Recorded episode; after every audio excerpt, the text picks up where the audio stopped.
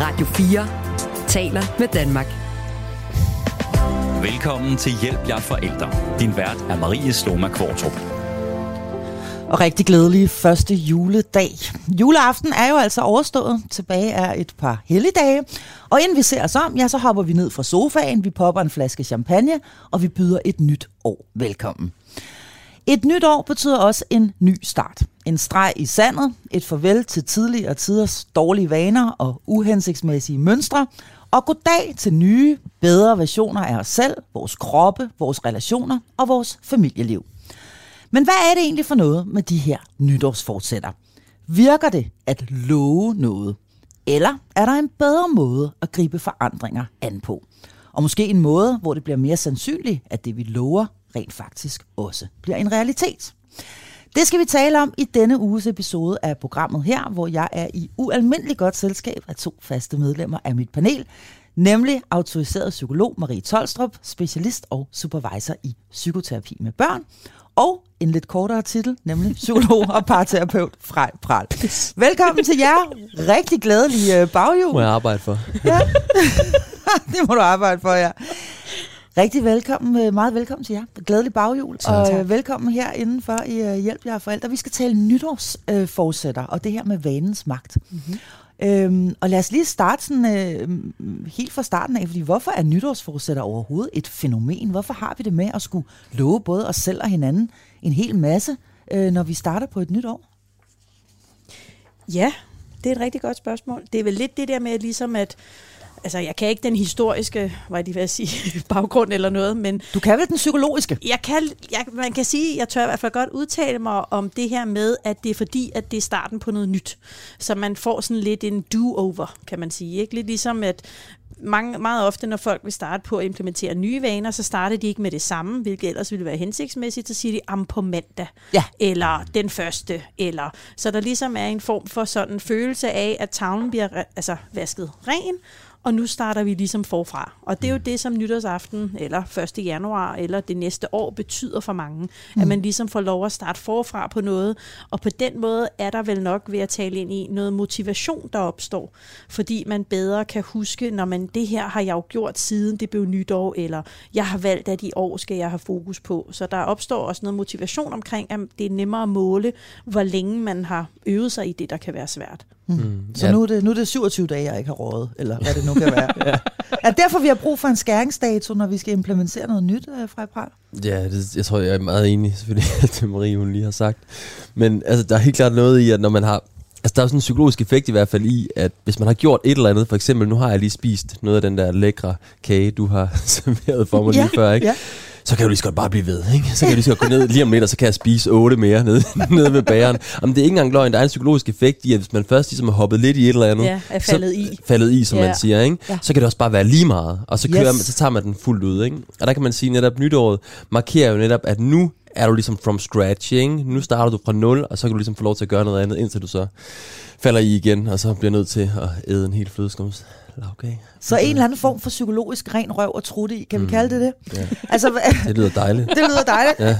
Hvert år bliver der jo givet altså millioner og er der millioner af nytårsforsætter. Alt fra rygestop til at ses mere med dem, man har kær til, at lille Ole han skal se mindre skærm, eller hele familien skal have mindre skærm. Virker de overhovedet, de her forsætter? Ved vi noget om det? Er der lavet statistik på det? Jeg ved ikke, om der er lavet på nytårsforsætter, som, altså som i, i den forstand, men man kan sige, at folk prøver jo at bryde vaner hele tiden. Og, og jeg tror især, hvis vi kigger på, at okay, nu kommer vi til 2023. Mange har ligesom lagt coronaen bag sig. Øhm, og der er kommet rigtig meget fokus, især på det seneste omkring for eksempel det, som du brugte som eksempel, altså børns skærmbrug. Så vil det jo være oplagt at sige, og have lidt et lille møde derhjemme og sige, prøv at høre, i 2023 er det sådan her, vi som forældre har besluttet, det her er nogle gode skærmvaner, som vi implementerer, som vi vil have, I efterlever. Og, og så kan man på den måde ligesom skabe noget konsensus omkring det, hvis man vil skabe nogle nye vaner, for eksempel i familierne, som er det, jeg har mest med at gøre. Øhm, og hvor at man også ligesom trækker en streg i sandet og siger, at det er det, vi gør fra nu af, fordi vi vil gerne have nogle nye vaner, som bedre sådan reflekterer vores værdisæt. Altså vanerne har jo også ofte meget at gøre, hvad vi har over bevisninger og værdisæt, men de kan være rigtig svære at implementere, fordi de jo kræver, at vi efterlever det, og at vi gør noget andet, end vi plejer at gøre. Så det bliver vi går ligesom imod, hvad der sådan rent automatisk sker for os. Mm. Og der skal man jo være opmærksom på, hvad man gør, og man skal også være klar over, hvorfor man gør det. Så der er ligesom en masse forskellige faktorer involveret, når vi vil ændre noget. Og det vender vi tilbage til, for vi skal tale meget om, hvad vi kan gøre, men vi skal først lige dvæle lidt med, hvad det egentlig er, der går galt, når det ikke virker. Og nu sagde du lige før, fra Pral, det her med, når nu har jeg taget to bidder af det der stykke vinerbrød, så nu vil jeg så godt spise hele bagerbutikken. Ja. Øh, eller jeg har røget en smøg, så lad mig ryge Ja. resten af pakken og så videre. Mm. Hvorfor er vanens magt så enormt stærk? Øh, og hvorfor mm. falder vi så utrolig hurtigt tilbage til det, vi plejer at gøre? Jeg er ked af, at vi ikke har vores præst med i dag, Ja. ja. fordi hun vil lige nu have bragt uh, Søren Kierkegaard i spil, tror jeg. Nu er hun her jo 100% ikke, så nu kan jeg få lov til at gøre det. Det er svært, men hun har heldigvis lige været her i sidste Ja, hun har lige uge. været her, ja, ja. Men det er bare, fordi jeg kommer i tanke om et andet citat, jeg kan huske hænger sådan rundt omkring med ham, og jeg kan selvfølgelig ikke huske citatet fuldstændig, men han har det her med vanen, hvor han også skriver, at alle fjender, der er vanen den lumskeste, tror jeg, han skriver et andet sted. Fordi, ja. altså den er usynlig, ikke? Den virker jo ligesom bag, bag om ryggen på os hele tiden, ikke? Så sidder man der og bladrer i et eller andet for 117. gang Instagram-wise, og, og, så er der gået en time, ikke? Og jeg sidder og gloet på fuldstændig ligegyldige billeder fra Ja. en eller anden øh, fucking ferie, en eller anden øh, bekendt, jeg ikke engang har noget med at gøre, øh, har været på, ikke? Altså, og jeg gør det igen og igen. Hver eneste aften falder jeg sådan i den der, og jeg kommer ikke rigtig ud af den. Ja. Og jeg tror, altså vaner, og det er jo lidt noget særligt, kan man sige, fordi medier og sociale medier er jo sådan særlige opmærksomhedsfanger, kan man sige, der virkelig trækker vores opmærksomhed til sig.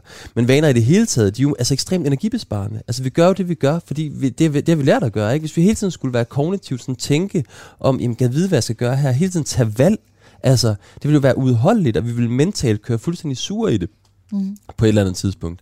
Så derfor så er vanerne jo rigtig gode på den måde, at de er energibesparende. Problemet er selvfølgelig bare, at der er jo også nogle vaner, der også kan være destruktive for mm. os selv, så det kan godt være, at det er det samme, vi gør igen og igen, og det er energibesparende fra sådan et kognitivt perspektiv, men det gør ikke noget godt for os. Jo, men så skal man ikke glemme hele altså dopaminen, vi får udløst ved ligesom belønningscentret omkring, okay, hvad kommer der til at ske? Altså, vanerne er der jo også, fordi vi får noget belønning. Altså mm. både rent sådan, hvad kan man sige, neurologisk i forhold til, hvad det udløser, men også i forhold til forhåbning om det. Det gælder jo faktisk også de dårlige vaner.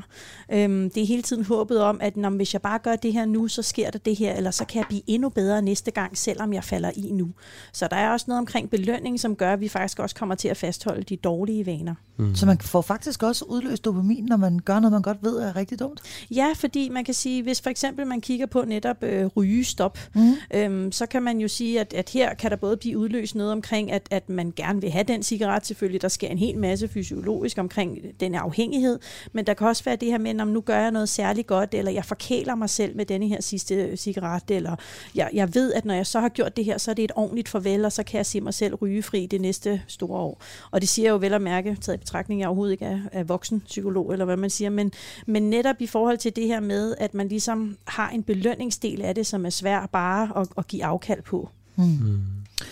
Man kan vel sige det samme, altså når vi taler vaner, så taler vi vel også mønstre. Nu kigger jeg over på dig fra igen, fordi øh, er mønstre i virkeligheden ikke en slags følelsesmæssige vaner? Mm. Altså, øh, og hvis der er nogen, der, der, der ved, at, at mønstre er svære at ændre på, så er det vel dig, fordi du sidder jo med mennesker hver evig eneste dag i særdeleshed i Ja. parterapi. Ja, ja, ja. Hvorfor er det så svært at ændre på mønstre? Ja, der er vi jo inde og røre ved noget, der er sådan er endnu mere, hvad skulle jeg til at sige, altså, jeg ved ikke, om det er dybere, men altså hvis vi skal ændre for eksempel konfliktmønstre, altså hvis det er Mm. sådan nogle, vi har med vores partner, ikke? fordi vi ser jo igen og igen os selv gøre det samme og det samme og det samme, det er den samme rille i pladen, ikke? det er de samme sætninger, jeg næsten hører komme ud af munden på mig selv og min partner, for eksempel, når vi har et skænderi. Ja. Jeg kan forudse, hvad der sker lige om lidt, ikke? det tror jeg rigtig, rigtig mange kender. Og jeg tror, hvis man skal gøre noget nyt der, så må vi huske på, at de mønstre har vi jo bygget op af en årsag. Altså der er jo en grund til, at jeg trækker mig, eller kritiserer dig, eller hvad det nu er, jeg gør, når jeg bliver presset, eller føler mig udstillet, eller hvad jeg nu end føler mig. Og det er jo for at passe på mig selv. Altså det er noget, jeg meget tidligt har lært. Jeg bliver nødt til at gøre det her, fordi det er for sårbart for mig at være i kontakt med en anden side af mig selv, der siger, at ved det, det gør sgu ondt, når du siger det der til mig, eller jeg bliver ramt af det, eller jeg bliver ked af det, eller hvad det nu kunne være. Så det er altså ikke bare lige at åbne op for det sted. Det er ikke bare lige altså at komme et sted hen, hvor man på et eller andet tidspunkt i sit liv måske har oplevet at blive svigtet, eller der ikke har været nogen for en, eller hvad det nu kan være. Ikke? Og derfor har vi netop nogle vanemæssige måder at håndtere øh, det sårbare på, kunne man sige, også i vores parforhold, som er dybe ting. Altså, så derfor så tror jeg, jeg har meget respekt for det. Også der, for der er jo, det har en beskyttende funktion for os. Og hvis vi gerne vil ændre noget der, så er det at tænke på det i forhold til nytårsforsæt også. Ikke? Mm. Så kunne det være interessant at se på, hvad kunne jeg godt tænke mig at gøre anderledes i vores parforhold. I stedet mm. for netop at tænke over, hvad, hvad, hvad skal vi gøre, eller hvad kunne du gøre Altså tage anderledes? Ikke? Præcis, tage ejerskab ja. over det, og så sige, altså jeg vil gerne blive bedre til måske at være på min egen banehalvdel, eller jeg vil gerne blive bedre til at kunne melde mig mere sårbart på banen, når vi har konflikter med hinanden, så jeg ikke er med til at optrappe dem, eller hvad det nu kunne være. Det vil jeg synes kunne være et meget sådan, ja, det er dejligt nytårsforsæt mm. i parforholds Jamen, jeg tror, der bliver Og- lavet mange, øh, om det kan jo muligt, at de ikke bliver sagt højt, men jeg Ja. tror, at der bliver lavet mange øh, i en stille stund omkring nytår, sådan fortsætter i den her scene. Altså, jeg vil simpelthen råbe mindre af mine børn, eller jeg vil... Øh, Råbe mere. Ja, ja råbe, råbe, råbe, råbe mere måske. Ja. Eller jeg vil blive Jamen, bedre tror- til at sige fra, øh, Ja. eller jeg vil blive bedre til øh, at, at huske at, at kigge min partner i øjnene og give ham et stort kys, hver gang Ja. han kommer ind ad døren, eller hvad det nu kan Ja, være. eller behandle mig selv venligt, når jeg kommer til at råbe af mine børn. Sådan vil jeg måske også sige det, ikke? Eller behandle ja. Mig selv venligt, når jeg fejler i relationen til min partner, eller behandle mig selv venligt. Det oplever jeg faktisk er et succeskriterie, der er sindssygt vigtigt for mig, eller at forsæt. Fordi hvis du kan det, hvis du faktisk evner at behandle dig selv venligt, når du fejler, så får du faktisk mere af det overskud, du har brug for, til at kunne indgå i nogle gode relationer med de mennesker, der er rundt omkring dig. Mm. Og når vi taler om det her med at ændre øh, vaner eller mønstre i øh, familieliv, Marie Tolstrup, så en ting er jo, at det vi ligesom kan, kan forsøge at ændre ved os selv og alt det, der starter hos os. Men det kan jo være en helt anden sag at skulle forsøge at ændre vaner hos vores børn. Ja. Og nu vender jeg lige tilbage igen til noget, som jeg tror er forfærdeligt aktuelt i langt de fleste danske hjem, i hvert fald i rigtig mange. Øh, lad os bare bruge det udmærket eksempel med skærmene, Ja. at, at, at vi ønsker, at der skal være mindre skærm. Vores børn skal for eksempel sidde med deres telefon eller, eller tablet langt mindre. Ja. Øhm, hvad, hvad, gør vi, hvad gør vi her? Altså, fordi, øh, hvad, hvad har vi egentlig at, at gribe ud efter her? For en ting er, at vi som voksne kan tage en øh, aktiv, bevidst beslutning om, at nu vil vi simpelthen ikke se på det mere. Men vi kommer jo, øh, vi kommer, kan jo komme til kort, når vi støder, når vi støder mod vores børns egen vilje, øh, måske oven i købet deres øh, afhængighedsforhold til et eller andet, øh, og noget, som de rigtig, rigtig gerne vil.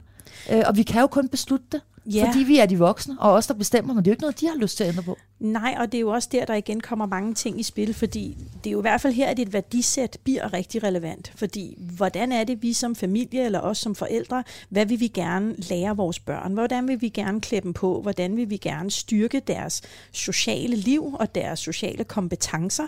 Fordi det her er jo ikke bare, om så sidder du der og glor i en skærm og bliver dummere og dummere. Det handler jo også om, hvad går du glip af?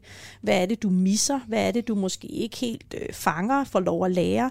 Og der må vi jo også starte med os selv. Så hvis vi som mor og far gerne vil have, eller forældre gerne vil have, prøv at høre, øhm, vi skal have mindre skærm, så må vi jo igen, som Frej startede med at sige, grib i egen barm, og ligesom starte med, okay, men hvad er relevant? Og der er jo også forskel på skærm.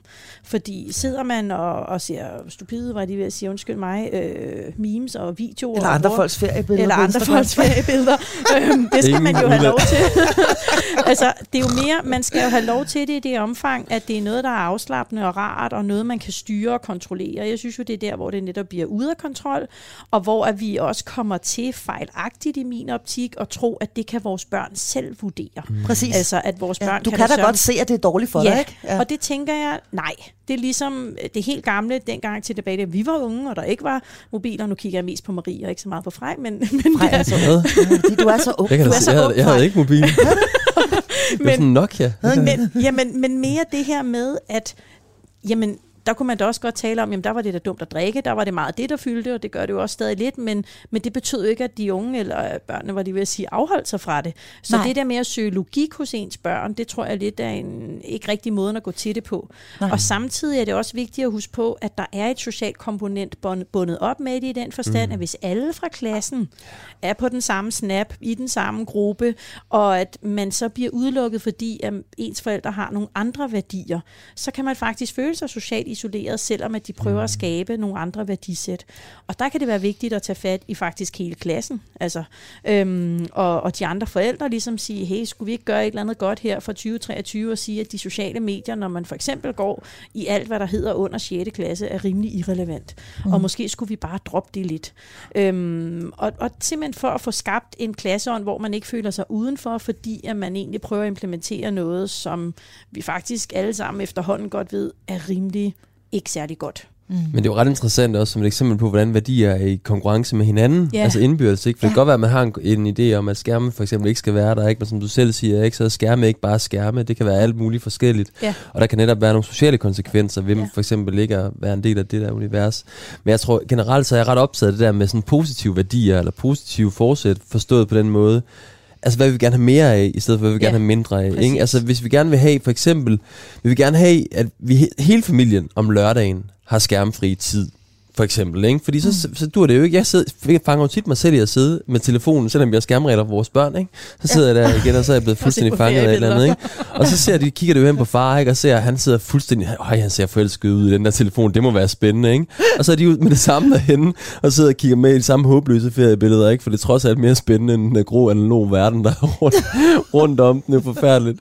Men det er bare for at sige igen, at til også det, som Marie siger, kan vi gå forrest på en måde, alle sammen tvinger os selv til at sidde, for eksempel, hvis det er vigtigt for os igen, hvis nærvær i- familien er vigtigt for os, sidde, og så må vi jo prøve at holde det ud og se, om der kommer nogle impulser til os af et eller andet, ikke, der kan opstå i sådan et uh, skærmfrit rum. Så det synes jeg helt klart kunne være interessant, at man formulerer nogle, ja, sådan nogle, det jeg kalder positive værdier, hvad vi gerne have mere af i, mm. i familien, ja.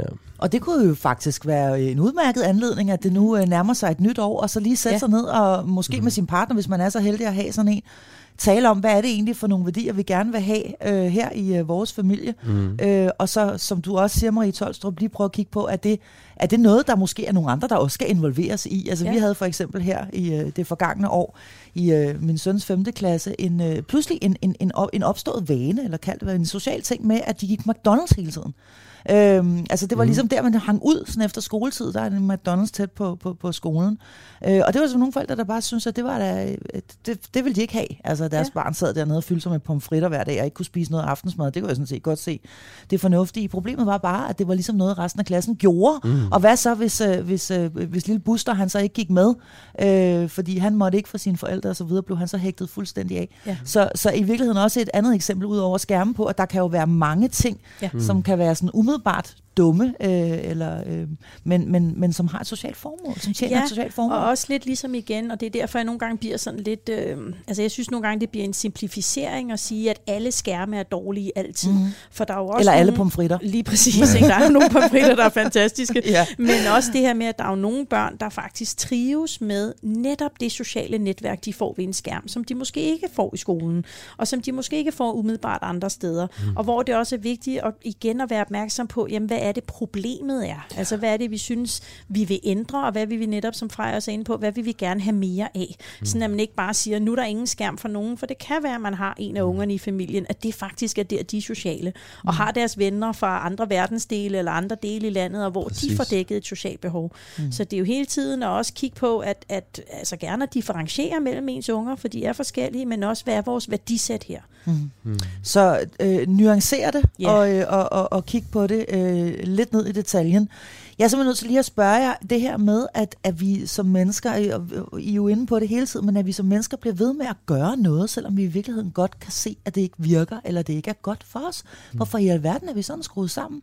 Hvad, hvad, hvad, hvad er det for noget ejendomligt noget? For eksempel, når vi kigger på både vores parforhold, jamen det virker jo tydeligvis ikke, at Nej. vi kommunikerer på den her måde, eller det virker ikke, at jeg bliver vred hver gang, øh, vi taler økonomi, eller hvad det nu kan være. Altså, det er jo ofte også de samme emner, man diskuterer. Man har de her triggerpunkter, som, mm. som, som starter 3. verdenskrig hver gang. Øhm, mm. Men alligevel, som du siger, så kan vi næsten forudse, hvad der vil ske. Og vi mm. kan høre os selv sige det samme, som vi har sagt igen og igen og igen og igen og igen. Mm. Hvorfor bliver vi ved med at gøre noget, der ikke virker? Men det er jo, det er jo, altså, der mangler også en differentiering mellem på en måde alt det, vores nervesystem på en eller anden måde har lært igennem rigtig, rigtig mange år, og så en eller anden erkendelse, der lige pludselig kommer til os om, at noget er dårligt eller noget. Altså, nogle gange så er den der forskellen på hovedet og maven, eller hvad man skal sige, eller hovedet og nervesystemet, den er ret stor. Altså, vi, vi, kan, vi kan indse noget dumt rigtig hurtigt. Jamen, det er da rigtigt, det du siger, Freja. Det er da også fuldstændig håbløst. Det kan jeg sagtens se. Og så går man hjem igen, og så tager det der nervesystem på en måde over, når man kommer hjem, og så pludselig ser man sig selv stå i fuldstændig den samme situation igen. Så vi har også nogle gange oplever jeg lidt en altså, stor tro på, hvad det der hoved eller de der nye erkendelser kan gøre. Altså, hvor meget det egentlig de kan flytte. Og jeg tror godt, vi kunne have en ydmyghed at det kunne klæde os at have en ydmyghed over for de her erkendelser. Sådan at vi også godt kan forstå, en ting er, at du har forstået det her. Noget andet er, at den her forståelse har gjort mærkbare ændringer i dine vaner. Det tager lang, lang tid. Altså det bliver som en plovfuger, vi ligesom har øh, inde i vores hjernebark, ikke? Det, altså vi falder ned i hele tiden.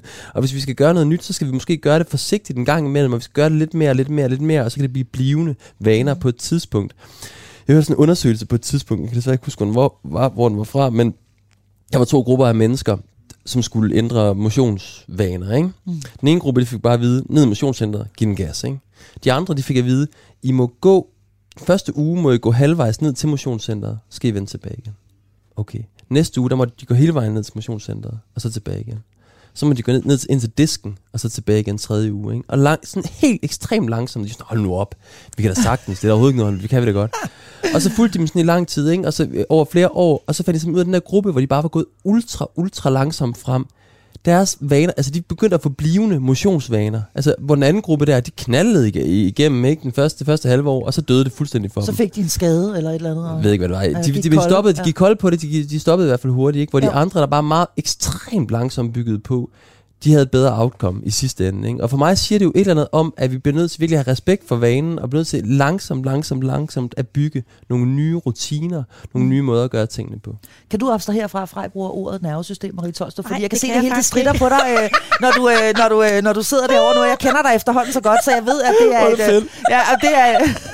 Det er, et, det er et ord, som børnepsykologen hun ikke, øh, ikke bryder Kom sig så endelig med meget et om. andet ord, Marie. Øh, er, det, er det i virkeligheden vores følelser? Altså, er det, er det, er det at jeg adskille... Frej til at lave et nytårsforsæt, der hedder at bruge andre betegnelser end nervesystemet? Det var, Nej, det, det, var kan det, du ikke. jeg Jeg elsker nervesystemet. Det er simpelthen min store... Ja, men øh, så uden at det sådan skal blive alt for fagnørdet, så øh, Ja. kan vi lige sige her til dig, der lytter med, at øh, der er en, øh, en vis, øh, der, er der, der er delte meninger øh, blandt, blandt psykologer om, øh, hvorvidt nervesystemet overhovedet er noget, der eksisterer. Marie Tolstrup, du skal lige have lov til at sætte et par ord på, Ja. også så vi lige kan forstå, hvorfor, øh, hvorfor jeg er lige nødt til, jeg er lige nødt til lige at have definitionerne Jeg er på plads spændt. Når, når Frej Pral, han siger nervesystemet, så hører jeg, at kommer du i altså virkeligheden mener om, om følelserne, altså det, der bor i maven. Og det er faktisk det, der er mit problem. Hvad Ja. mener man med det, når man bruger en betegnelse, mm. der i min optik dækker over både noget somatisk, noget, altså det er en meget, meget bred betegnelse, som jeg ikke synes bliver tydelig nok, når man argumenterer for noget. Mm. Altså, og, og det er nok derfor, jeg bliver sådan lidt, hvad mener vi egentlig, når, når nogen bruger ordet nervesystemet til at forklare mm. netop det, Frejli gjorde? Ja. Fordi at mange faggrupper, mange almene, altså alle bruger det, men bruger det meget forskelligt, oplever jeg. Og det er der, hvor jeg synes, det bliver problematisk, når man skal hænge noget op på noget, såsom, hvordan ændrer vi vaner? Mm. Øh, jamen, handler det så om vores tanker, eller vores følelser, vores adfærd, vores fysiologi? Hvad er det ligesom, vi taler om? Ja. Og så er det som om, så bliver det hele pakket ind under nervesystemet. Mm. Og det er super interessant, for I plejer at være rørende enige om langt det meste, og nu har vi Det endelig godt en lille smule det. uenighed her. Jeg skal jo lige høre, hvordan... Det, jamen, lad os øh, lige snakke, lad os lige, lad os lige få det, fordi inden vi, vi, vi fortsætter, og vi skal prøve at, at, at, at ikke, ikke sætte, bryde, bryde vanens magt her øh, Jo, jo. for rullende mikrofoner, men, men i hvert fald forsøg. Så lad os lige få det her med nervesystemet på Ja. plads, fordi hvad er det egentlig, du mener, Frej Pral, når du Jeg taler mener, det bor, jeg, jeg mener, det bor i hele kroppen, helt klart. Altså, jeg mener både, at vanen bor i følelserne, jeg mener, at vanen bor i hele vores krop. Altså, vi kan jo mærke det kropsligt, tror jeg næsten, når man er på vej ind og gør et eller andet. Altså, jeg tror, jeg tror det også, det bor i tankerne. Det bor hele vejen rundt. Altså, det bor i forestillingen om, hvad skal der ske nu? Hvad vil jeg sige nu? Det bor i den følelse, der er ledsaget af den tanke. Det bor i den krop, der mærker de følelser og de tanker. Altså, jeg tænker, det hele systemet, der er på spil inde Men når vanerne. du så ikke? sammenligner eller siger, jamen hjernen og nervesystemet er forskelligt, Nå, så på den måde. det jo, Jamen, det forstår jeg bliver godt. Jamen, det- ja, det forstår jeg godt. Det jeg mener, det er at tankerne, altså vi kan få nogle nye tanker om et eller andet, ikke? Men de tanker følger, altså kroppen eller resten af kroppen følger ikke altid med de nye tanker, vi får. Det kan godt være, at jeg får en erkendelse af, at det her det er rigtig dårligt at gøre det, men den manifesterer sig ikke på en måde, sådan at jeg gør noget nyt. Forstår I, hvad jeg mener? Jeg, jeg gør ikke nødvendigvis en ny adfærd, fordi jeg har fået en ny erkendelse mm. Så om noget. Det tror jeg, de fleste i kender. Den ligger, tror jeg, i kroppen eller i en erfaring af, at når det der sker, så helt automatisk, så kommer jeg til at gøre et eller andet andet i mit liv. Sådan vil jeg sige det. Og det er du ikke enig i, Marie Tolstrup? Jeg synes, det er interessant Nu det her. Nu er vi endelig uenige. Det en bliver meget teoretisk, men jeg snak. ved- Og det bliver meget teoretisk, og jeg ved Ja. heller ikke, hvor interessant det overhovedet er for lytterne, men det er nok fordi, at jeg bliver, jeg bliver sådan lidt, når man begynder at bruge nye begreber. Noget, som jeg for eksempel, hvis vi skal drage tilbage til noget tidligere, da man begyndte at bruge begrebet særlig sensitiv, der var jeg jo også ude sammen med øh, nogle gode kollegaer og, og, og pointere, jamen hvad er det egentlig, der forstås ved det her begreb? Og kan vi overhovedet bygge noget oven på det, der egentlig øhm, kan hjælpe mennesker med at få det bedre? Og der, hvor jeg synes, at nogle begreber bliver problematiske, er, hvis de bliver for brede, ikke er bygget på mm. evidens i forhold til, hvad vi ved, og på den måde bliver rigtig svære at hænge op på noget, der kan gøre, at nogen får det bedre. At vi bliver dårlige til som fagpersoner at præcisere, hvad handler det her helt præcist om. Mm. Fordi når man tager tanker, følelser, adfærd, fysiologi og neuro under en paraply og kalder det nervesystemet, så mm. synes jeg, det bliver en... Upræcist. Simpli- ja, og, og Ja. ja. en simplificering, hvor at jeg så får svært ved at tale med, for jeg ved faktisk Mm. ikke rigtigt, hvad man taler om. Mm. Og, og det kunne jeg simpelthen se på dig, Marie Jamen, Tolstrup, jeg er at det hele Du det det. på dig. Det var Ja. dit nervesystem, der mærkede det. Ja, det var Du det. mærker lige Jeg Maries vibrerede. nervesystem. Det, det Men jeg tror heller ikke, det er så relevant for lytterne, men jeg tror, min pointe er, hvis vi nu tager de her begreber ud af det, så man kunne have en lang, spændende snak om helt Ja. sikkert, hvad der Ja. menes ved hvad, ikke? så tror jeg, min pointe er, at vi bliver nødt til at have en ydmyghed over for, at vi får nogle nye erkendelser, fordi mange ja. slår sig selv rigtig meget oven i hovedet, hvis de nu endelig har fundet ud af, det her det er dumt, det er usundt at ryge, og det ved jeg jo godt, men jeg bliver alligevel ved med Præcis. at gøre det. Det er usundt at gå ned og tage den her ting, men jeg bliver alligevel ved med at gøre det. Yes. Og de tror, at der er noget i vejen med dem, siden at de kan indse noget på den ene side, og ikke handle efter det. Og så Netop. hvis vi dropper alt det her med nervesystemer og så videre, ja. så kan det være hjælpsomt for folk at finde ud af, okay, der er ikke noget i vejen med dig, fordi du ikke kan omsætte de nye erkendelser til handlinger. Nej. lige med det samme. Nej. Og det er der rigtig mange, især der kommer hos mig jo, der hele tiden slår sig selv oven i hovedet. Hvorfor Præcis. kan vi ikke det? Ja. Og der er min erfaring, for eksempel i parterapi, når jeg lykkes med at facilitere nogle nye øjeblikke imellem parret, at de faktisk får nogle nye erfaringer og måder at være sammen på, for eksempel i parterapien, så kan det, hvis de får tilstrækkeligt af de her nye erfaringer, blive til en ny vane, de faktisk tager med sig hjem. Og der tror jeg, altså, og der tror jeg bare, det er vigtigt at huske på, at det er jo, det er jo det, den facilitering, jeg skaber, det er jo de nye mødeøjeblikke, de får. Det er ikke, at jeg siger til dem, I burde jo også gøre sådan, eller Nej. I burde også gøre sådan her. For så kommer de tilbage til mig igen og igen og siger, jamen du har jo sagt det fra, men vi gør det ikke. Først i det øjeblik, hvor det lykkes for mig at skabe et nyt øjeblik, så ser jeg, at der er en forandring til stede. Så det handler i virkeligheden om at mærke det ske. Altså, øh, Præcis. Øh, altså, og, så jeg ved jeg ikke, og så kan vi snakke om, hvor det mærkes henne, og alt, Ja. men det behøver vi jo ikke. Men det Nej. der med, at man kan mærke præcis... Eller se det ske, for den Ja, sags skyld. præcis. Se Man får det, en, høre kon- det ske. en konkret erfaring af, at vi lykkes med at gøre noget nyt, noget andet, end vi har gjort før. Og det er dejligt, der bliver knyttet en belønning til det, fordi det var faktisk noget, der fungerede. Ja. Hvis man får tilstrækkeligt af de erfaringer, så kan det blive til nye vaner. Ja. Er du enig, Marie Tolstrup, i at det virker at mærke, se eller høre det ske? Jeg vil det rent sige, faktisk kan lade sig gøre? Ja, jeg vil nok mene, det forstærker det. Fordi mm. nu kommer vi igen ind i nogle teoretiske referencerammer, hvorfra jeg også ligger lidt forskelligt i forhold til det. For jeg synes jo godt, at man kan øve sig i at gøre noget, man ikke nødvendigvis ved virker endnu, men så på sigt kan se, at det virker. Øhm, det tænker jeg for eksempel sker ofte, hvi- hvis det er, at man for eksempel er overvægtig og får at vide, at du er simpelthen i risiko for diabetes, eller du får de her følgesygdomme, hvis du ikke passer på, så vil man jo ikke umiddelbart erfare med det samme en rar følelse af at begynde at få en anden kost, Nej. eller skulle begynde at træne. Så Der kommer går et stykke tid, der før man faktisk et begynder stykke tid, at, at før komme i du bedre får form. din belønning, Ja, ja. men der vil være en motivation, motivation omkring at undgå en given konsekvens. Så jeg synes også, at nogle gange handler det også om, at lidt ligesom hvis vi som forældre skal gå ind og understøtte et nyt værdisæt, for eksempel om mindre skærm i det nye år, så vil vi jo overhovedet ikke få nogen belønning lige med Nej. det samme. Vi vil nok få rimelig knottende børn, og Præcis. rimelig mange diskussioner og skænderier, og rimelig meget, øh, altså hvad kan man sige, øh, telefonipoliti, mm. der render rundt derhjemme, men belønningen kommer på sigt. Jeg ved bare, at rigtig mange, at det er lavet rigtig meget forskning på jo også, at man, altså, det ikke handler nødvendigvis om et spørgsmål om manglende viden, at folk Nej. For eksempel ikke taber sig. Nej. Det handler om, at man mangler manglende redskaber til det. Du mangler mennesker, der kan hjælpe dig med at forstå selvfølgelig, hvad er baggrunden for, at du overhovedet øh, spiser så meget, hvad er funktionen af den spisning og så videre. Og der er rigtig mange, og der hersker bare også en diskurs om, at det er dumme mennesker. Det er simpelthen mennesker, der ikke ved, Og det at det her det er farligt. ikke. Og Nej. det tror jeg bare, for mig i hvert fald, er sindssygt vigtigt at sige, det er ikke det, det handler om. Nej. Altså, det, og det er jeg ret overbevist om, der ligger meget evidens for os, at det er sådan der. Min pointe var egentlig lidt, at der ikke er belønning med det samme. At du ikke mærker noget i dig selv, der mm. Mm. gør, at du forårsager den ændring. At nogle gange bliver vi nødt til at ændre vaner, selvom vi faktisk ikke er super motiveret for det, men at mm. belønningen er der på sigt. Så det er Klart. slet ikke for at tage væk fra nogen som helst, fordi selvfølgelig er det ikke, altså hvis det var så nemt bare at beslutte ting, så ville Ja, der jo ikke ja. være dårlige vaner i verden. Nej. Men det er mere det her med, at jeg er ikke nødvendigvis overbevist om, at man skal kunne forstå og mærke det på egen krop hver gang, før man ændrer en vane.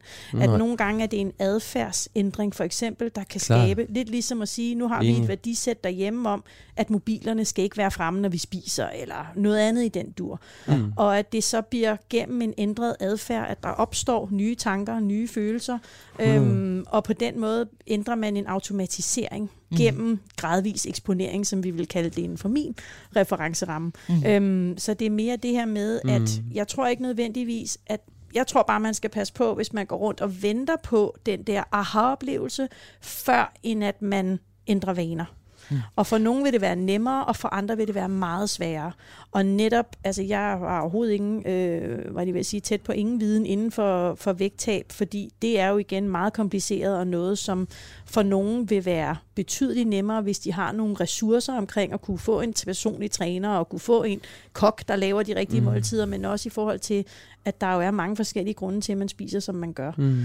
Så det er mere det her med, at jeg tror ikke altid, at man så det var det der eksempel med, at ja. du sagde, at man kunne mærke det i sit nervesystem, eller man kunne mærke det for, at man kunne skabe ændring. At ja. den tror jeg ikke altid er vigtig at, at mærke med. præcis. Det er det, Nogle mener, gange bliver man nødt til at starte det andet sted. Det giver sindssygt god mening. Og jeg tror også, at de der par, som jeg for eksempel henviser til, det er jo par, der erfarer, at for dem er det ikke tilstrækkeligt, eller de kan i hvert fald ikke finde ud af, altså at omsætte den erkendelse yeah. til handling. For jeg er yeah. selvfølgelig fuldstændig enig.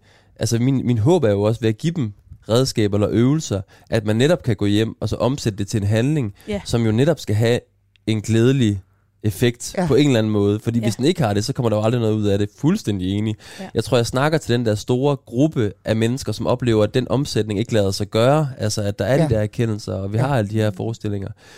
Hvis de kan hvile ind i, at der ikke nødvendigvis er noget i vejen med dem, mm-hmm. fordi de ikke kan omsætte mm-hmm. det, men de måske mangler at få den tilstrækkelige støtte, mm-hmm. hjælp, øh, disse rigtige rum, det tror jeg kunne gøre en rigtig stor forskel ja, for rigtig mange mennesker. Ja. ja. Du lytter til Hjælp jer forældre på Radio 4. Ja, og øh, så fik vi altså lige definitionerne på plads, og vi fik øh, i hvert fald krasset øh, gevaldigt i overfladen, når vi taler om det her med vanens magt. Og der er ikke nogen som helst tvivl om, og jeg skal også være den første til at skrive under på, at det kan være vanvittigt svært at øh, ændre den øh, kurs, man, øh, man har fået sat, uanset om øh, hvad, hvad grunden så er til, at, øh, at, øh, at det er den kurs, man har. Øhm, det kan ikke sættes på formel, men lad os alligevel prøve at komme den en lille smule nærmere. Når vi gerne vil ændre på noget, det være så mønster eller vaner, hvad skal der så til for at sikre de bedst mulige vilkår for succes? Du var inde mm. på det øh, før fra pral, fordi du fortalte den her historie med mennesker, som skulle have implementeret øh, gode motionsvaner, og det her ja. med, at de gik ekstremt, man lavede et forsøg, hvor man lod en, en gruppe gå ekstremt langsomt til værks, og ja. faktisk kun gå halvdelen af vejen ned til træningscenteret hver dag den første uge og tilbage mm. igen, og så videre, og så skruede meget, meget, meget langsomt op. Mm. Er vi simpelthen for øh, hårde ved os selv, når vi laver vores nytårsforsætter? Altså, øh, slår vi for stor en, øh, en, en dej op i forhold til, hvor meget brød der egentlig kan være i ovnen? Altså, bliver vi for ambitiøse? Er det, øh, er det en af, af, af faldgrupperne, at vi simpelthen starter med at sige, nu skal der være helt skærmfri hver dag fra klokken 17. eller, eller, eller, eller, eller, eller nu vil jeg slet ikke råbe af min partner mere. Eller nu skal vi spise, kun spise vegansk. Eller, altså bliver vi simpelthen for ambitiøse? Ja, det gør vi da. Det, det kan vi i hvert fald. Det altså, blive, ikke? Ja. ja. Der, der er noget med at stille realistiske krav til sig selv. Altså, det tror jeg er fuldstændig klart. Altså, også den der, apropos den undersøgelse, jeg refererede til, der var det jo også sådan, at de her mennesker, der fik at vide, eller den gruppe, der fik at vide, de skulle gå så langsomt frem, de protesterede jo. De, ej, hold nu op, vi kan da godt. Altså, der var den her idé om, at selvfølgelig kunne man gøre det på en anden måde, ikke? Ja. Og jeg tror, at det er vores natur på en eller anden måde. Ikke? Nu skal der virkelig være, så skal der skulle ske noget. Ikke? Så skal jo, ikke bare ja, være det så der man noget. Ikke? Så skal den bare have hele armen. Ikke? Og, og nu har man også fået nyt træningstøj i julegave og sådan noget, så nu skal, præcis, nu skal man gerne ned og præcis, vise det frem. Præcis, præcis, præcis, præcis. Og så er det, at, hvad hedder det? Ej, nu, hvad siger så, øhm, så, Nej, nu vil Frej ikke tale mere. Jeg, ikke tale mere. Der var, øh, ej, jeg vil bare sige, at jeg tror, at øhm, igen, øh, det var bare det her med skældningerne, de her begreber, vi har om, øh, om krop og nervesystem og alt det der. Vi skal lige have tungen lige i munden. ja. jeg, jeg har en vagthund herovre, der kan hjælpe Nej, nej, nej, nej, nej. endelig, du må endelig tale om dit nervesystem, Frank. Nej, jeg mener bare, min pointe var, at når vi så, jeg tror bare respekten for det der med, god, apropos det, med en god idé, jeg har fået en super god idé, ikke? nu skal ja. jeg bare gøre det der.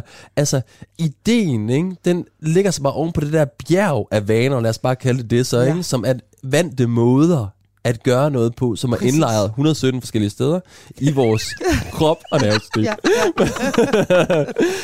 Måder vi altid har gjort det på, ikke? Ja. Øhm, og så de der idéer, de har ikke respekt for, at der ligesom er det der bjerg under dem, ikke? Så, og så i lang tid, der kan man godt bare sådan med viljens kraft, så gør det, så gør det, så gør det. Men på et tidspunkt, så slipper den der viljenskraft bare op. Den er ja. ikke uendelig. Nej. Og så siger det bare, rum, og så står du bare med hovedet ja. nede i Jo, guldbæren. og plus Ja. ja. alt sådan noget som personlighed, temperament. altså, alle sådan nogle ting spiller jo også ind, for mm. der er nogen, der er bedst til alt eller intet. Ja. Og så er der nogen, der sagtens kan køre det med måde. Altså, der er jo ja. dem, der kan tage et stykke, og dem, der vil have hele pakken. Ja. Og, og på den måde er det jo Og der er også også lidt... dem, der festryger to cigaretter tre fuldstændig, gange om og året. sagtens sådan kan holde Og ja, ja. Øhm, og lidt ligesom, jamen, så vil der være nogle unger, der sagtens kan styre det der elektronik, og andre, der ikke kan. Mm. Så der er flere faktorer, der spiller ind. Øhm, og, og der er det jo vigtigt både at kende sig selv, men også at vide som forældre, okay, hvad vil virke bedst i forhold til det? Så netop at være realistisk omkring, hvad er det, der kunne være realistisk at, at gå efter, og så også at vide, hvor længe skal den her øves, før det bliver en ny vane. Og der er jo lidt forskellige jeg prøvede lidt at kigge på det, inden at vi skulle tale om det her i dag, og der var flere steder, hvor der stod sådan 21 dage. Øhm, og det var jeg jo Det meget tager skuffet. 21 dage at Ja, ændre en vane. Og det var gudskelov på voksenområdet, fordi jeg plejer jo meget kægt at sige, at der er ikke noget, der ikke tager en uge. Og det siger jeg jo Og til... det har jeg hørt dig sige ja, mange det er gange nemlig, så tidligere jeg tænkte, i det her det var dog er ikke helt ikke forfærdeligt. Alt, alt kan ordnes på en Alt uge. kan ordnes på en uge. Ja. Og det er fordi... Den der renovering, der skulle ikke... øh, Nå, men det er fordi, de her vaner, for eksempel med børn, der skal lære at sove i deres egen seng, skal lære selv at gå, og alle de her ting, der vil jeg sige, at, at når de først har nået målet i forhold til de forskellige delmål, man mm. sætter sig, når man så har sovet en hel uge i egen seng, lad os så sige en uge, måske plus en dag, så er vanen der faktisk rimelig godt hos de mindre børn. Og så Ja. er det klart, jo ældre de bliver, jo lidt mere skal der til. Men det der Og så med, tænker man, hvorfor har jeg ikke gjort det noget før? Ja, Ja. lige præcis. Ikke? Ej, for har man fået meget plads, og nu Ja, ligger man ikke der og præcis. kampsveder med en eller anden klump kød ovenpå sig. Ikke? Så det er også, så det er også se, det drømmer Frej om nu, når jeg siger det. Men også, også se Det det her af, hvad med, det er for en klump kød. men også det her, også det her med, at det er ikke så slemt, altså det tager ikke så lang tid, som vi tror. Men det er klart, der er kæmpe forskel på at skulle øve og sove i egen seng, til at kunne stoppe med at ryge, til at få helt nye fitnessvaner, til at altså, gøre noget andet og noget godt for sig selv. Så det kommer jo både an på, hvem er man, hvad er målet, mm. og hvor lang tid tager det også at opnå. Ikke? Man kan jo ikke løbe maraton på en uge, tænker jeg, umiddelbart. Men der er også noget med netop, apropos børn, skulle jeg til at sige, også med at belønne vaner. Yes, altså med at belønne præcis. nye vaner. Altså Ja. det er jo noget i den grad, som man jo på 117 måder kan gøre, både med børn, men Ja. også med hinanden jo. Nu, nu hedder nervesystemet på 117 måder. Det har du refereret til er, øh, flere gange. Det er blevet skiftet. Det, er, det spotter sådan en øh, sprogekvilibrist som jeg med det samme. Ja, eller hvad det nu er, det hedder. øhm, men øh, Så hvad kan jeg sige? altså, kan vi sige det sådan, at det her med at sætte sig delmål, det i Ja. virkeligheden er en meget god idé, eller hvad? Fordi nu skal vi, vi skal jo forsøge at nærme os denne her formel for, hvordan pokker vi, øh, vi gør det her. Ja. Delmål, er det en god idé? Ja, fordi der taler vi om habituering. Ja. Der taler vi om evidensbaseret habituering. Mange Marie tak. Tolstrup synes, det er en god idé. Jeg synes, det er en fremragende idé, fordi altså, det er jo, man kan sige, det er jo også sådan, jeg arbejder. Det er det der med, at der er et mål, og så laver vi nogle delmål, som man ligesom kan forene sig med, og som man er motiveret for. Det tænker jeg godt, jeg kan nå, og så tager man det næste. Og det er jo noget af det, vi ved, der virker, i forhold til at gøre tingene lidt ad gangen, og så lykkes vi forhåbentlig til sidst. Mm. Og så endelig belønning undervejs. Der må jeg nok sige, at jeg er meget uforstående over for det der hestlige, for eksempel stregsystem, der er kommet i mange klasselokaler, hvor man åbenbart får en streg, når man siger noget forkert, og så når der er mange streger, så sker der et eller andet hestligt, eller man må ikke gøre noget mere. Eller det, jeg, jeg forstår slet ikke, hvad det er, der underbygger det meget tåbelige system, fordi vi ved, at belønning virker, og vi ved, Gud hjælpe mig også, at, at, at afstraffelse overhovedet ikke gør. Og der er jo stor forskel på konsekvenser, og så på afstraffelse. Der er vi i virkeligheden ude i den gode gammeldags bandekasse, men man Ja, skal smide en femmer, hver gang man kommer til at sige et bandeord. Ja, og der er jo forskel på derhjemme, hvis du ikke overholder din, du ved, du skulle være hjemme kl. 11, og du kommer kl. halv to, så er der jo en konsekvens af, at du ikke overholder en, sam, en, en aftale. Men det er jo ikke en, det kan godt være, man synes, det er en afstraffelse, men at man så ikke får lov at gå ud næste aften, det er jo en konsekvens. Mm. Men at gøre noget, hvor for eksempel børn, især i indskolingen og mellemtrinnet, altså ikke helt måske formår, eller der ikke er et miljø, der gør, at der man nødvendigvis lige kan tige stille, eller skal lære at række hånden op først, at mm. der vil jeg hellere sige, at man skal til hver tid belønne, når man kan, og så skal man altså ikke øh, afstraffe, især ikke de små på den måde. Mm. Og en ting er, hvad der virker med børn, noget andet er, hvad der virker med, med, med voksne fra Brænder. Nu kigger jeg op på dig, jeg kan se, at du sidder og er en lille smule skeptisk over for det her. Både På 117 måder. Både, på- på 117 måder er du skeptisk. Altså, jeg vil gerne sige noget, men også skal lige råbe mit nervesystem først. Så skal jeg, nu prøver Marie at få det ved at spise noget af den der. Det får du jeg ikke, Marie. Det kan jeg godt fortælle Jeg Jamen, så siger jeg ikke noget, i hvert fald i 30 sekunder. Jeg har sat masser af kage frem her øh, på øh, en af årets øh, sidste, sidste dage her. Fred Pral, hvorfor er du skeptisk over er for det her med, med delmål og, og, delmål og, og, og, og, og straf, straf og belønning og sådan noget? Det er da Er overhovedet ikke skeptisk. Nej, Det ikke nej, nej, nej, jeg synes, det er fantastisk. Ja, og jeg- nej, tværtimod. Jamen, kan Jeg vi tror det også, og det samme kan der bruges i parforholdet. Altså, Jeg den spørge, grad- kan jeg vi tror- overføre det? Ja, og for det første skal vi nok være mindre bange for at gøre det i forhold til børn. Der er jo rigtig mange, der stadigvæk er rigtig bange for at bruge belønning altså i, i almindelig børneopdragelse, fordi de mener, det er upersonligt og Ja. ting og sager. Ikke? Men altså, jeg synes, det, det, jeg synes, det er super godt også at, at bruge det der. Men det, jeg vil sige med parforholdet, det var jo, at hvis vi også bliver belønnet der, hvis jeg virkelig lykkes med for eksempel at få sagt undskyld for et eller andet. Ikke? Det kunne jo godt være noget, vi er trænet. Ikke? Jeg vil gerne Yes. blive bedre til at sige undskyld. Det Ja. kunne være sådan en, et nytårsforsæt. Og min øh, kæreste så kom til mig og sagde, ej, det var mega fedt, at du sagde undskyld. Det betød sindssygt meget for mig, at du sagde undskyld lige der. Ja. Det er en belønning lige der til mig. Ikke? Om, okay, det betød noget for dig, Ja. at jeg for eksempel der, sagde undskyld. Og så får jeg lyst til at gøre det igen. Og der er rigtig mange af os, der glemmer det. Vi glemmer faktisk at belønne eller kvittere, eller hvad man skal kalde det, for de gode adfærdsændringer, især i vores parforhold. Altså vi glemmer at sige, det betyder sindssygt meget for mig, når du gør det, eller det, eller det. Ja. Fordi vi tror på en eller anden måde. Jeg ved ikke, om det er også, det er selvfølgelig sårbart at sige, hvad det betyder for os, men jeg tror også, vi glemmer, hvor meget det faktisk betyder. Altså det er mega vigtigt, fordi vi har jo lyst til at gøre en positiv forskel for de mennesker, vi er tæt på, eller de mennesker, vi er tæt på. Og når vi kan mærke og høre, at vi gør det, så får vi lyst til at gøre mere af det. Så i virkeligheden er det, du sidder og siger, det er, at det kan overføres til, til parforholdet, når nu vi for eksempel står her nytårsaften, og vi måske lover os selv eller hinanden internt i parforholdet, mm. at der er nogle ting, vi vil ændre på. Jeg, jeg, jeg lover dig, skat, jeg skal nok jeg bliver bedre til at sige undskyld, eller jeg skal nok øh, blive bedre til ikke at, at, at, at, stalke dig, når du er ude med dine venner, eller hvad det nu kan være. Spørg, hvornår kommer du, hvornår kommer Hvad, hvad det nu end kan være. Altså, øh, øh, Ja. Så skal vi huske at, øh, at rose undervejs og anerkende den andens indsats. Ja, og- ja og og- især og og delmålene. fejre succeserne. Ja, især så kan han jo komme hjem, eller hun kan komme hjem og sige, ej, hvor var det flot, at du kun skrev fire gange, Ja, hvornår kommer du hjem? var, var Ja. ude, ikke? Fordi du Ja. plejer faktisk at stå ude foran vinduet og Nå jo, men altså, ja. altså bare for at komme med et Ja. eksempel. Ej, jeg mener, og det er bare lidt sjovt, ikke? Men jeg mener det faktisk alvorligt. Jeg mener det der med, at man også kan sige, altså for eksempel, jeg kan ikke love, at jeg bliver god til, altså, god til at sige undskyld. Jeg vil gerne øve mig på at blive bedre til at sige Ja. ja. undskyld. Men, og, altså, og så fejre de gange, hvor det rent faktisk sker. Altså det er ligesom det, jeg er optaget af. Ja, belønne det, når det opstår. Så, så delmål, der holder øh, hele vejen igennem. Skal vi så... Øh, mm. nå, nå, det, det er det, jeg hører jer sige begge to. I sidder Yes. stadig, jeg har en joke kørende med det her nervesystem. Nej, ikke nervesystemet, det var bare fordi, jeg tænkte, det var belønninger, vi også snakkede om, men det var... Ja, ja, belønninger. holder. belønninger lad, os lige, lad os lige dvæle lidt ved Ja. den frempral, fordi... Øh, altså... Øh, jeg kan godt se på dig, hvad du tænker nu. Men jeg kan Men- se på dig, men- hvad du tænker. Ja, men altså, det, jamen, jeg, tænker, jeg tænker bare, om, om belønninger også er en rigtig god idé i forhold til, øh, når, når vi skal lykkes øh, i, vores, øh, i vores parforhold. Ja, jeg kan sige så meget, det gør Det mærkbare behøver jo ikke ændringer. være fysiske belønninger. Det behøver Det det, kan jo ikke også være at gå ud og spise middag, gå Ja. i biografen Ja. og sætte tid af til hinanden. Ja, altså det skaber mærkbare ændringer i nervesystemet. Og det er en adfærd, man tager udgangspunkt i. Ja. Men altså, det, det kunne jo være et meget typisk øh, nytårsforsæt, kan man sige, her ja. I disse tider, hvor vi alle sammen løber sindssygt hurtigt, og vi til Sydlandet også skal arbejde endnu mere nu, hvor vi har fået en ny regering. Det kunne være det her med at skabe mere tid til hinanden i parforholdet. Det kunne det meget vel Jo, være. og, og Eller i familien. Ja, og netop gøre det her med at lade adfærden lidt guide og sige, okay, vi skal faktisk, øh, altså her starter vi januar med at sætte 12 datoer af på året, det er en gang om måneden, hvor vi to går ud og spiser alene. Altså sådan, at det simpelthen er i kalenderen, og at det ikke er noget, man må aflyse eller noget som helst andet. Men det der med at gøre noget meget konkret, for hvis vi vil bryde en vane, så handler det om, at okay, hvad er det, vi gerne vil ændre? Altså være opmærksom på det og få det, få det meget afklaret, altså at få det gjort ret tydeligt, hvad er det, vi gerne vil opnå ved at ændre noget. Og så helt klart give det den opmærksomhed, så vi ligesom kan pege på det, og så at gøre noget, der ligesom, som vi er inde på nu, vi kan efterleve. Altså det skal være på en måde, hvor det ikke bliver for meget, at vi ikke Ja. løber netop en maraton på en uge, Ja. men måske tænker, at vi vil løbe maraton i 2024, afhængig af ens grundform, kan man ja. sige. Ikke?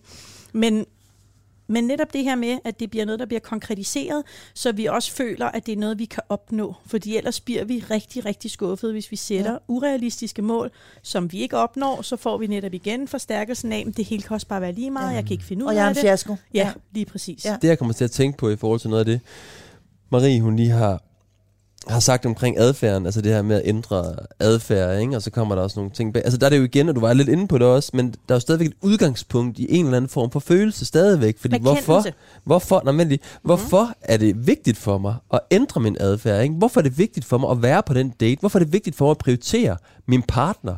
Mm. Altså her tager vi udgangspunkt i kærligheden, gætter jeg på. Det er vel fordi, øh, jeg et eller andet sted elsker dig, at jeg har lyst til at prioritere det og bruge tid på det. Ikke? Så jeg tror, at den der bevægelse, hvor jeg går ned i og mærker, hvorfor er det vigtigt for mig at gøre de her ting? Altså, hvad er det, jeg, hvad, og, hvad, og hvad, kunne jeg gøre? Hvad kan vi gøre anderledes? Altså, hvad vil, det, hvad vil det måske få mig til at føle anderledes, hvis det er, at vi gør det her? Hvad regner jeg med, der vil komme ud af at gøre det her? Nogle gange, så tror jeg, at vi tager sådan lidt nogle værdier ned, eller nogle nytårsforsæt, eller hvad det kan være, hvor vi ikke rigtig, altså det, det lyder meget fedt og sådan noget, ikke? men er det virkelig vigtigt for en, eller er det faktisk ikke så vigtigt for en? Så jeg tror, det er vigtigt at spørge sig selv, mm. hvorfor er lige præcis det er så vigtigt for mig? Fordi der er jo også forskel på et forsæt, som øh, rent faktisk øh, virkelig er, er, er vigtigt, og så på noget, og så på det, man vil kalde en fix idé. Altså, øh, mm. nu sad min kæreste og jeg så en dokumentar på Netflix en eller anden aften, der handlede om, øh, øh, øh, hvad hedder sådan noget... Øh, grøntsagsmad, altså vegansk øh, mad, og var, blev fuldstændig, var fuldstændig op at køre. Og vi mm. var veganere i præcis tre dage. Vi var meget, meget dedikerede veganere Ja. i, i tre dage, men så gik dampen jo gevaldigt af. Ja. Og det var det, jeg vil kalde en fix idé. For, øh, så der er, jo for, der er vel forskel ja. i virkeligheden på, hvor, hvor, hvor dybt det ligesom stikker. Men der kommer øhm, ens Øhm, værdisæt vel også ind i det. ja. For jeg tænker, at der er nogle ting, som handler meget om værdisæt. Mm. Øhm, men også helt klart selvfølgelig erkendelsen af, at her vil jeg gerne altså, ændre noget. Jeg vil gerne gøre noget anderledes, fordi jeg har en idé om, at jeg vil få et andet resultat ud af det. Altså, så jeg vil få måske en bedre følelse, eller jeg vil føle mig som en bedre partner, eller mm. altså, jeg vil have en følelse af, at når jeg går i seng om aftenen, så ligger jeg ikke og gennemgår, hvor mange gange har jeg gjort noget forkert, råbt af mine børn, alle de her ting. Altså, og- der kunne, jeg jo, altså, der kunne jeg jo i hvert fald godt tænke mig, at der var netop nogle forældre, som det Frej var inde på tidligere, som var lidt sødere mod sig selv, og netop var sådan lidt, okay, jeg råbte af mine unger i dag, det er selvfølgelig aldrig super godt at gøre, det er særlig meget, men hvad gør, at jeg er så presset? Hvad gør, at jeg prøver at få det hele til at hænge sammen på denne her vanvittige måde, frem for, jeg er en dårlig forælder, jeg burde bare stoppe det her. Så kig på, jamen, sætter jeg for høje krav til mig selv? Er det overhovedet vigtigt, at alle de der boller er hjemmebagte, eller at de kommer afsted med rent tøj på, eller hvad ved jeg? Mm. Altså, at der ligesom er nogle ting, som, hvor man prøver på netop at give sig selv lidt mm. self-compassion, som jeg lidt tænker, at Frej er inde på. Uh, Ikke? det lyder godt. Ah, Ja, men vær altså, sød, ikke? sød, der var jeg sød, der sagde det, et ord, du lyder, godt kan det lyder lige som noget fra nervesystemet. Hvad hedder det? Vi tager, ja, jeg tror, men, men man kan også vende den helt om jo. Altså man kan godt se det fra, altså man kan jo spørge sig selv for eksempel, både som en råbende mor, men også som det par, der gerne vil prioritere hinanden mere. Altså vente den om at spørge, jamen hvilke gode grunde har vi til ikke at have den vane her? Altså hvilke gode grunde har vi til ikke at prioritere hinanden så meget? Mm. Ikke? Der kan jo være 117 rigtig gode grunde til, at man ikke har lyst til at sidde mm. på en restaurant og kigge mm. hinanden dybt i øjnene. Det kan være, der er en eller anden sådan stille konflikt imellem os, vi ikke har lyst til skal Ja. blusse op, hvis ja. jeg lige pludselig vælger at prioritere det. Ikke? Eller ja. det kan være, at jeg bare kan mærke, at der er alt muligt, jeg ikke får sagt, at det eksploderer. Altså, der kan være alle mulige grunde til, at vi ikke gør det, øh, som vi gerne vil gøre. Ja, eller at Så- barnet ikke kommer ind i egen seng, for så skal man sove sammen igen. Præcis. Mm. Og det har man ikke lyst til. Mm-hmm. Ja. Så i virkeligheden også det her med at kigge på, øh, på intentionerne bag øh, nytårsforsætterne. Jeg sad lige Ja. og tænkte over det selv, øh, inden øh, vi gik i studiet her, at intentionerne bag et forsæt vel altid er gode som udgangspunkt. Det er vel altid ønsket om at gøre noget bedre, end det var. Ja, I hvert fald at ændre noget, ikke? og så kan det jo godt være på sigt, at de bliver bedre, end hvad det var. Mm.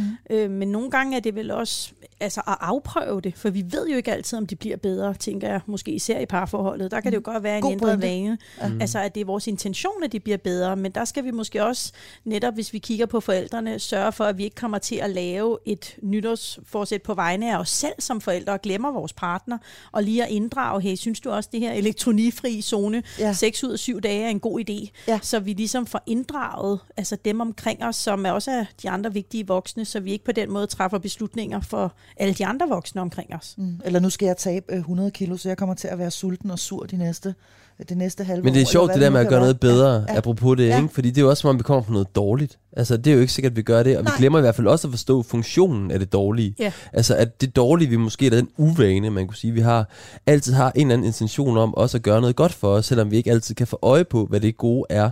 Og der tror jeg, det kan være rigtig vigtigt lige at få øje på, jamen altså, selvfølgelig, altså for eksempel, selvfølgelig har jeg øh, røget øh, 20 cigaretter mm. om dagen, ikke? fordi jeg har været pisse stresset, eller øh, min mor døde, eller min, altså forstår ja, jeg, mener, der kan være ja, alle mulige gode være grunde mulige til, grunde, ja. eller at jeg bare, hvad ved jeg.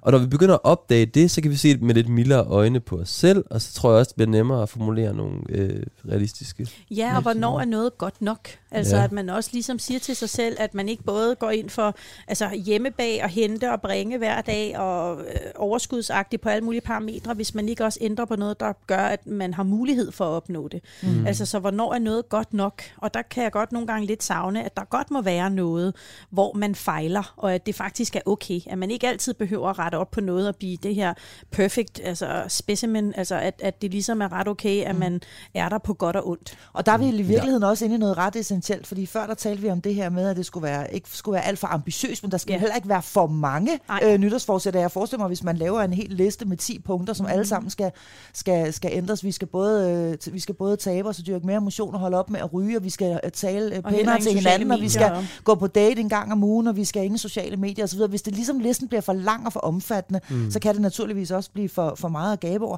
Jeg skal lige spørge en gang, er det en god idé at evaluere på de her forsætter, vi nu giver os selv og hinanden? Er det noget, I to øh, psykologer vil anbefale? Altså at man for eksempel siger, jeg har de her de delmål, og nu øh, så tager jeg det op igen om tre måneder og kigger på, hvordan den egentlig er gået. Eller hvad? Altså det vil jeg jo sige, hvis du beslutter dig som for eksempel øh, par eller øh, familie eller enlige forældre, det kan man jo også sagtens, ligesom når nu prøver jeg at ændre en vane ved at gøre det her, så er det jo altid godt at evaluere med, at jeg er på vej det rigtige sted hen. Man skal selvfølgelig ikke gøre det hver dag, men måske en gang hver 14. dag, en gang hver tredje uge, og ligesom sige, jamen, går det stadig den rigtige vej? Hvordan er det, altså er der kommet noget bedre ud af det endnu? Skal jeg sadle lidt om? Er der noget, jeg skal gøre anderledes i forhold til ligesom at prøve at se, er det det her, jeg egentlig gerne vil have ud af og har ændret noget? Du lytter til Hjælp jer forældre på Radio 4. Ja, og nu skal vi altså her bruge de sidste minutter på at hoppe en tur ned i uh, programmets famøse værktøjskasse og se, om vi kan finde nogle uh, meget konkrete uh, redskaber frem. Marie Tolstrup, jeg starter med at, at kigge over på dig, fordi hvis nu man uh, sidder her, og uh, man godt kunne tænke sig at lave nogle ændringer, der uh, har med ens uh, forældreskab at gøre i relation til ens børn, uh, hvad, hvad, hvad vil så være dine tre bedste råd at gribe ud efter sådan lige umiddelbart? hvad er det, man gerne vil opnå med det? Mm. Altså, hvad er det, man godt kunne tænke sig at få som en, hvad kan man sige, en effekt af, at man ligesom ændrer noget? Og så er det noget, der er realistisk. Altså hvis, nu vender jeg tilbage til det her med elektronikken, øhm, men det kunne jo være hvad som helst andet. Øhm, det kunne også være sådan noget med, at ens børn skal have flere pligter, eller at ens børn skal lære at have en fast ugenlig maddag, eller gå ned med skrald, eller hvad, hvad det nu kan være. Øhm, eller simpelthen skal blive mere selvstændig. Så er det rigtig godt at have noget, der er lidt realistisk, men også hvad er det egentlig, jeg håber på at få ud af det her, og så videre, at det godt kan tage lidt tid at få den positive konsekvens ud af det, eller positiv belønning, som man godt kunne tænke sig at opnå. Mm. Og fra Pral, øh, der findes ikke hurtige løsninger, når vi venter dynamikker eller vaner i familien, men har du alligevel et par sådan gode, konkrete råd her, hvor vi nærmer os afslutningen, til øh, hvor man kunne starte, hvis man ønsker at ændre noget i, øh, i sit parforhold? Nej, men jeg tror faktisk bare, for at lægge mig i slipstrøm med det, Marie siger, jeg er fuldstændig enig. Vi har, altså det er jo realistisk, realistiske mål, man må sætte sig selv. Og så noget med, jeg synes bare, at det der med belønning er helt vildt vigtigt. Altså, at vi husker at belønne hinanden for de mål, vi så i, i fællesskab bliver enige om, er vigtige for os. Ikke? Og så netop også finde ud af, hvorfor er lige præcis det er vigtigt for os? Hvad er det, vi gerne vil have? Og så flere af de her, hvad vil jeg gerne, hvad vil jeg gerne have mere af, i stedet for, hvad vil jeg gerne have mindre af mm i Og så livet. netop også, hvis man ikke lykkes, så er det ikke nødvendigvis, fordi man ikke gør det godt nok, men så Nej. kan det være målet, der er urealistisk. Mm. Eller at ens, hvad kan man sige, det der sker omkring en lige for tiden, eller i en, ikke mm. kan få det til at hænge sammen. Mm. Sådan at man faktisk lidt giver sig selv lidt egenomsorg og prøver at sige, det er okay. Altså, mm. det var ikke fordi, der var noget galt med dig, det ikke lykkedes. Det er simpelthen fordi, det er bare ikke lige nu og her, at jeg skal have fokus på det her. Mm. Mm. Så i virkeligheden øh, være rigtig øh, kærlig og tålmodig med sig selv. Det lyder som et dejligt fortsæt. Ja. Og skal vi så ikke øh, indledningsvis love hinanden og lytterne, at vi laver noget mere radio sammen i øh, 2023? Jeg synes, det lyder som et realistisk og øh, også et rigtig dejligt øh, nytårsforsæt at, øh, at komme med herhen mod afslutningen. Den er med på. 2023 i rigtig godt selskab. Tusind tak, øh, fordi I var med. Tusind tak til to vidunderlige medlemmer af mit faste panel, børnepsykolog Marie Tolstrup og psykolog og parterapeut Frej Pral. Tak øh, for året, der gik, vil jeg gerne sige, og øh, tak til dig, der øh, skrev til os eller meldte dig ind i programmets Facebook-gruppe i det forgangne år. Mit navn er Marie Sloma Kvartrup, og øh, både jeg og mit hjertebarn, programmet her, er tilbage næ- næste søndag og i hele 2023.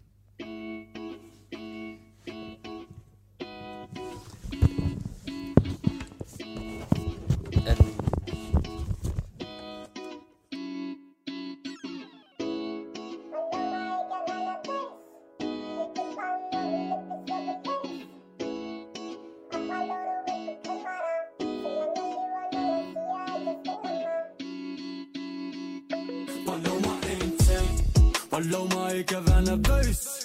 Ikke blive bange, når hun er blevet sluppet løs.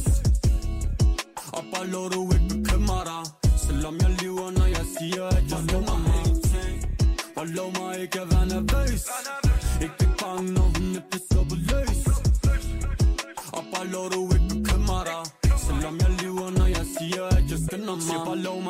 tænke på mig. Du har nok at tænke på selv. De kan ikke ændre mig. Jeg er ikke hvem som helst. Og jeg ved godt, det er ikke en leg Men ikke vær nervøs for mig. Jeg klatrer selv, når det style De troede ting, men så fejl. Og det er kun menneskeligt Men der er ikke plads til mig, når man gerne vil ramme over gennemsnit. Men så man vælger fra til igen i ren uendelighed. De spørger mig, hvad min hemmelighed Det falder bare fra himlen ned. Hvad fanden skal jeg sige til dem? Og de prøver at se, de kender facen De begyndte at blive nervøs, bliver ikke nervøs selv. Sidder bare og spiller på min streng. Når man alligevel er så dybt i mig, så mærker man et græn Jeg siger,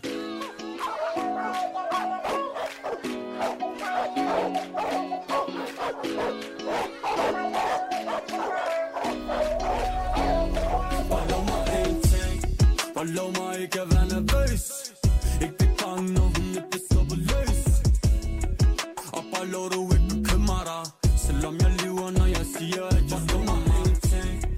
blow my cabana face.